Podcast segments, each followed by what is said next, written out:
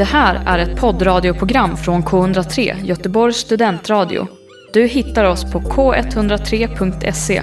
Av upphovsrättsliga skäl är musiken förkortad.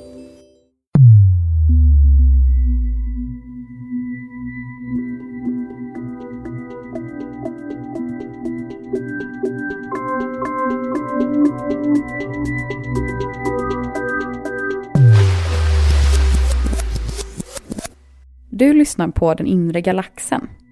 En intervjupodd där jag, Paulina Witte, träffar gäster och experter som alla är nyfikna på hur vi människor beter oss och vad som egentligen händer i våra känsloliv och hjärnor. Varje avsnitt har ett tema som på något sätt kan kopplas till vår kognition. Så det blir en plats för samtal om allt möjligt, stort och smått. För ibland så frågar folk så här, ja det här och skrattar. Man springer runt och skrattar åt allting då. Man aldrig var arg. Men det är liksom provokativt det här med, nu ska vi skratta liksom. Ja. Varför tror du folk blir provocerade? Därför vi är inte ett skrattande folk. Svenskar är ju inte kända för att man kanske går fram och pratar med vem som helst och hej, hur mår du? Liksom. Ja, vi, vi är inte sådär jättelättsamma. Och då, då kan det vara lite, nu kommer någon hit och ska få oss att skratta. Får man inte vara arg då? Ingen fråga. Jo, det får man. Varsågod. Alla känslor Ja. ska finnas på registret. Men hur länge vill du att det ska stanna kvar? Du lyssnar på Den inre galaxen. Och idag så är jag hemma hos Lilian. Ja, och dagens tema ska vara skratt. Och jag är väldigt nyfiken på, på ditt jobb då och på dig. Om du vill berätta lite mer vem du är och vad du eh, arbetar med. Ja, jag titulerar mig skrattinspiratör men jag är hälsopedagog i grunden och ännu mer i grunden kroppsterapeut. Har eh, jobbat med mitt företag Hälsohörnan Hela dig i över 30 år. Oj. Oj. och eh, skrattet, det är över 20 år sedan det vet jag som jag började smyga in det lite grann i mental träning, positiv tankekraft och sånt som jag jobbade med i grupper då. Ja men precis. Eh, hur ser, eh, hur ser din terapi ut när du jobbar med, eh, med skratt? Liksom, när ska man ha den? Är det som en förebyggande metod eller är det folk som eh, redan har drabbats av någon sjukdom eller symptom som använder det? Jag, skulle, jag undviker att kalla det för terapi. Ja. Jag kallar det för skrattaktivitet eller skrattworkshop. I och med att jag jobbar med friskvård och inte sjukvård. Klangen, bara ord har ju en jättestor betydelse faktiskt. Och då, Ja, hur vi tolkar det sen. ja, precis. Så jag, jag tror ju på den inneboende förmågan att hela och läka sig själv på ett sätt då som kan vara på många olika vis. Och skratt är en del utav det. Men jag, jag känner att det är viktigt att våga utanför sin bekvämlighetszon. Och det kommer ju verkligen in i den här aha är det ju först då och sen blir det ha ha ha delen. Mm. Och då är det det fysiska skrattet. Och innan dess då så kan vi börja och använda lite av känna vilka andningsmuskler och magmuskler som används i skrattet. Och sen när, när vi är uppe då och gör rörelserna som lockar fram skratt. Mm. Då kan ju folk känna sig väldigt dumma. Och man känner sig lite utanför sin bekvämlighetszon. Och det lär man sig någonting av också. Så det finns ju många delar i det här. Även de som tycker att herregud, vad är detta? Lär sig någonting om man pratar igenom det sen eller analyserar lite grann. Ja, jag kanske hade behövt gråta först innan jag vågar skratta eller ha skrattet nära. Okej, så det har vuxit fram då? liksom. Ja, det här som jag sa då att jag började med de här mentalträningsgrupperna. Ja. Det, det kan ju bli lite tungt ibland. Så då hade vi väl någon, någonting med tema någon gång, skratt. Och sen sökte jag upp de här, det finns ju en indisk läkare som startade någonting som heter skrattyoga. Dr. Madan Katarian hette han och de gjorde yoga i parkerna på morgnarna och folk tittade på dem och, och sådär. Men sen började de att skratta också och då blev det riktig uppståndelse. Folk trodde inte de var kloka.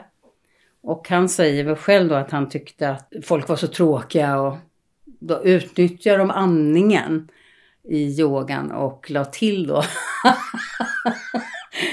som ett komplement. Och där startade de här som de kallar då för skrattyoga. Och sen finns det skrattklubbar över hela världen. Hundratusentals numera skulle jag tro. Man kan gå förbi eh, något litet källarfönster i Frankrike någon gång som jag kunde höra folk skratta i källaren där och ute på stranden i Kalifornien. Det är som vilken muskelträning som helst så kan du träna dina skrattmuskler. Ja. Och skratta lättare, längre, oftare för vad då? Ja, man mår bättre. Och sen allt det här då som händer. Allt från att det är en fullkomlig genomströmning av cirkulation och energi i hjärnan. Det är... Ja, vad händer egentligen när man skrattar i kroppen? Ja. ja, dels så ökar ju cirkulationen, hjärta och puls och blodtryck och sånt där som stiger fast och sen balanserar det sig. Och i hjärnan så är det ju fantastiska saker. Man börjar med att man känner igen kanske om, om det är en rolig historia då. Det är frontalloben och sen sprids det. Det finns värmeutvecklingskameror som har visat då att hela hjärnan är involverad i skrattet. Mm. Så det är nästan ingenting som, som jobbar så mycket i hjärnan som just skrattet. Hur brukar det gå till då? Om du skulle liksom instruera mig och börja skratta eller så här. Vad, vad hade du för steg? Du pratade om... Mm. Så om du lägger din hand på under bröst, bröstet där ungefär, där bröstkorgen slutar. Känner Mm, du? Där ja. har du andningsmuskeln. Diafragman Ja. påverkar ju då hjärta och mage och så när du andas in och ut då. Och när du skrattar då så jobbar den lite grann. Så du kan ju ta till exempel när vi börjar med uppvärmningsskratt så gör vi ju sådana Och då ska jag härma liksom. Eller då jag är, härma alla varandra. Ja, prova för att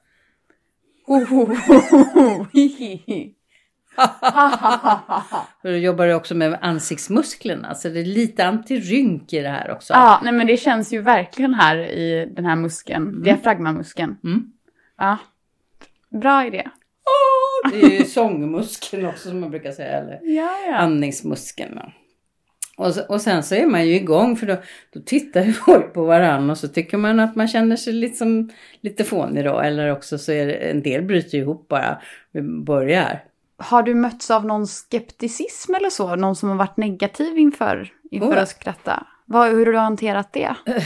Ja, man kan ju inte tvinga någon att skratta. Men jag brukar försöka förbereda med att eh, man kan ju se på en, en grupp då som någon blir sådär lite nervös när vi pratar om att Jaha, var det här vi skulle göra?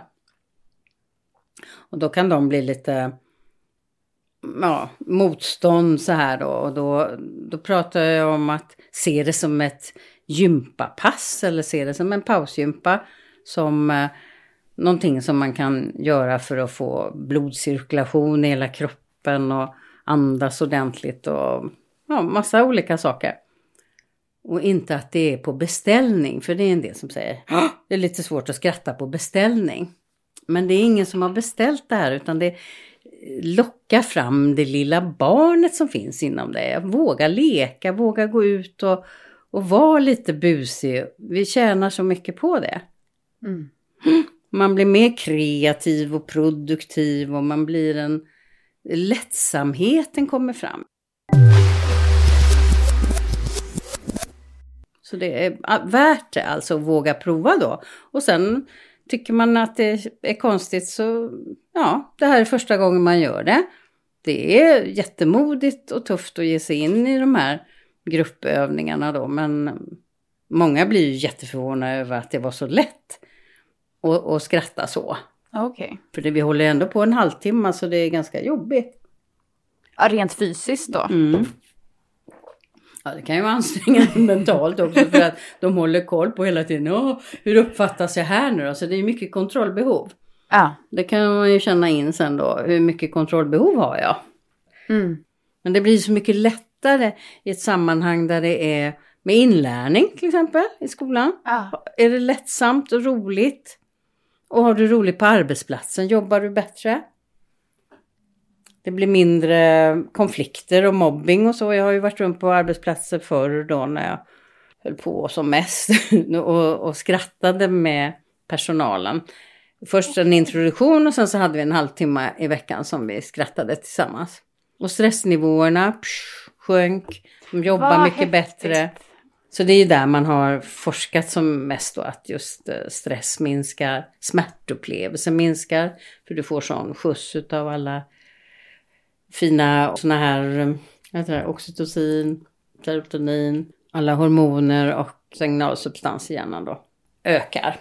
Och du minskar på de här som inte är så bra för oss att ha så mycket utav. Kortisol och Häftigt. adrenalin. Mm. Och bara att tänka på och ha roligt minskar och höjer de här. Det är ganska spännande. Ja. Det här med att skrattet, att man låtsas och skratta tills man blir glad. Mm. Fake it until you make it. Precis. Eh, tror du det finns några situationer då det inte funkar? Att man, eh, att man låtsas skrattar fast det är, är kroppen alltid så att den, eh, att den förstår den förstår inte vad som är ett riktigt skratt eller ett låtsasskratt eller liksom ett startat skratt om man säger. Nej, det finns väl några uppgifter på som jag har läst på senare år, eller i alla fall inte från början då, att eh, det kan vara en liten skillnad Okej. i hur hjärnan reagerar på det. Men hur vet man det egentligen? Om man nu får alla de här goda sakerna som händer i kropp och knopp oavsett hur man skrattar så är det ju bra med det. Men, men sen tror jag att eh, kan man öva upp det här och få lättare att skratta innan man vanligtvis då kanske man tänker ju inte så här att nej det här var inte så kul så jag tror jag väntar lite och skrattar utan det bara är där för att vi förväntar oss så mycket mer. Vi har väldigt stora förväntningar och vi är ganska bortskämda. Vi har det så himla bra men eh, så vi vill att det ska vara bättre, roligare, snyggare. Du, du, du, du. du vet, hela samhället är ju uppbyggt på att vi ska ha Ja. Mm. Och då tror jag också att det påverkar oss ganska mycket i det här att ska man anses som lite halvknäpp om man börjar skratta före de andra? Vågar jag vara den som är ensam och skratta på en film, en föreställning? Mm. Och det brukar jag ge som en, en liten idéläxa liksom att prova och våga vara den enda som skrattar. Och bara känna, vad händer? Och man blir ju nästan lycklig fast man inte trodde att man var det innan. Så det finns så mycket att hämta i det här att eh, förbereda sig för. Ta ut glädjen i förskott, ta ut skrattet innan. Ja. Ja, om, om, man är liksom, om man har en väldigt tung känsla, du kanske känner dig jätteensam och inte har en enda vän. Det, hjälper det liksom då att, att skratta? Liksom mot sådana tunga saker? Skulle du säga att det liksom Oh, har en inverkan? Även om jag känner mig ensammast i världen, jag har inga vänner eller jag kanske har fått ett eh, sjukdomsbeslut, en jätteallvarlig sjukdom eller någonting. Hjälper det då att jag skrattar? Ja, fast det, det gör det ju, fast det är väldigt svårt. Då blir ju vägen dit lite tyngre. Och då behöver man ju ha de här redskapen och verktygen och så innan. Eller hur? Det går ju inte kanske att kasta sig in i en skrattkurs då precis. När man inte Nej. har möjligheten för då blir det ju bara fel. Utan att man har det som ett verktyg med sig och kanske då lyssna på någon, jag lyssnar på böcker mest. Eh, Lyssna eller läsa en, en rolig bok. Prata med någon som är lättsam och, och kunna skratta med. Söka upp någon, som du säger, där man inte har några vänner alls. Då, då kanske steget är att, att söka sig ut på något sätt. Det, det vet man ju. Det är ju ganska vanligt med ensamhet. Mm. Att eh, söka upp föreningar och, och faktiskt ta ett steg innan man hamnar i det här. Nu orkar jag inte gå ut alls. Ja. För då blir det ju riktigt svårt. Ja, nej men det är, det är superbra tips. Och även för den sjuka då, så när den, man väl har eh, kanske kommit till en acceptans med det, då kanske man kan skratta på ett annat Ja, sätt. det som du säger där med skrattterapi. Ja. Som en del eh, läkare har jobbat med då på sjukhus. Och det finns sjukhusclowner och jag tror inte det finns kvar här i, i Sverige längre. Det fanns ju för I USA har jag hört att det Mm. finns. Barncanceravdelningarna hade ju clowner här. Ja. Men nu drar de ju in på både läkare och annat så det är frågan om det finns någonting sånt. Clownerna får gå. Ja, det är länge sedan jag hörde talas om det. Men Clowner utan gränser är ju ett underbart gäng. Som jag köper de här eh, clownnäsorna av. Vi har ju sk- skrattraljer också. Det har jag glömt att säga till dig. Ja, vad är det för något? Ja, då har jag har med mig en hel påse med olika sådana här näsor och glasögon och grejer som alla får prova då. Skrattaccessoarer. Mm, skratteraljer kallar jag dem. Skratteraljer. Mm. Mm. Och de som är röda näsor bara då, de köper jag utav Clowner utan gränser. Då går överskottspengarna till barn som inte har det så roligt. Tänk dig också det här som vi var inne på, seriöst allvarligt. När det kommer in de här auktoriteterna. En del människor tar sig själva på så stort allvar. Ja. Så det är svårt för oss att göra det. Att ta dem på allvar. Och då, då läker man ju inte så bra om man, eh, om man Är är rädd för auktoriteter. Eller det kan jag tycka går igen i alla sammanhang egentligen. I skolan när det är någon sån här sträng lärare. Då var man ju livrädd. Då lärde man sig inte heller. För man lär sig ju som sagt då bättre av att skratta eller vara lätt i sinnet och uppsluppen. Och ta fram den här barnkraften vi ändå har. Mm. Dansa, sjung, hitta på saker som gör livet lättare. För jag menar, vi, vi lever ju nu. Ja. Vi vet ju inte när vi inte gör det. Ja, du vet. Ja, absolut. Men jag tänkte vi ska snart runda av här, eh, det här spännande samtalet. Hur tycker du att det påverkar dig att, eh, att jobba med, med hälsa och, och skratt på, på det sättet som du gör? Ja, det gör ju jättemycket naturligtvis. För jag har ju också mina down-perioder eller när det inte är så. Precis som en clown, de, de är ju roliga för andra människor men eh, sen är det ju en mörk sida där. Men ja, inte precis som en clown är det inte. Men eh, jag är ju alltså ingen stand-up komiker när jag håller i kurserna. Det tror ju många att eh, nu ska vi ha skrattkurs, nu ska vi skratta åt henne. Och det får man jättegärna göra. Jag är inte rädd för att göra bort mig. Men det är ju en fantastisk känsla det här att få, få människor att, att släppa loss och skratta. Och jag mår ju själv jättebra efteråt naturligtvis. Och under tiden också. Och många gånger så tänker jag, mm, ja, är det här ett jobb egentligen? Jobbar jag nu? Det, det är ju underbart att få tillföra någonting och, och titta på det här med som jag har en del coaching och andra kurser kvar då. Vanlig yoga till exempel och sådär. När folk säger att herregud jag har haft ont här hela tiden och nu är det jätteskönt i ryggen och det sitter i och vi längtar efter måndagarna till exempel och mina yogadeltagare. Och det finns så mycket där att, att ta med eftersom jag har jobbat med så många olika saker. Ja. Och det, det är ju jätteroligt naturligtvis. Det låter som ett väldigt roligt jobb Ja, och givande ja. på många plan. Ja, det är det verkligen. Men eh, ja, vi avrundar avsnittet om skratt här. Eh, tack så jättemycket Lilian för att eh, du var med Tack Paulina. och för att jag fick komma hit. Det var jättetrevligt.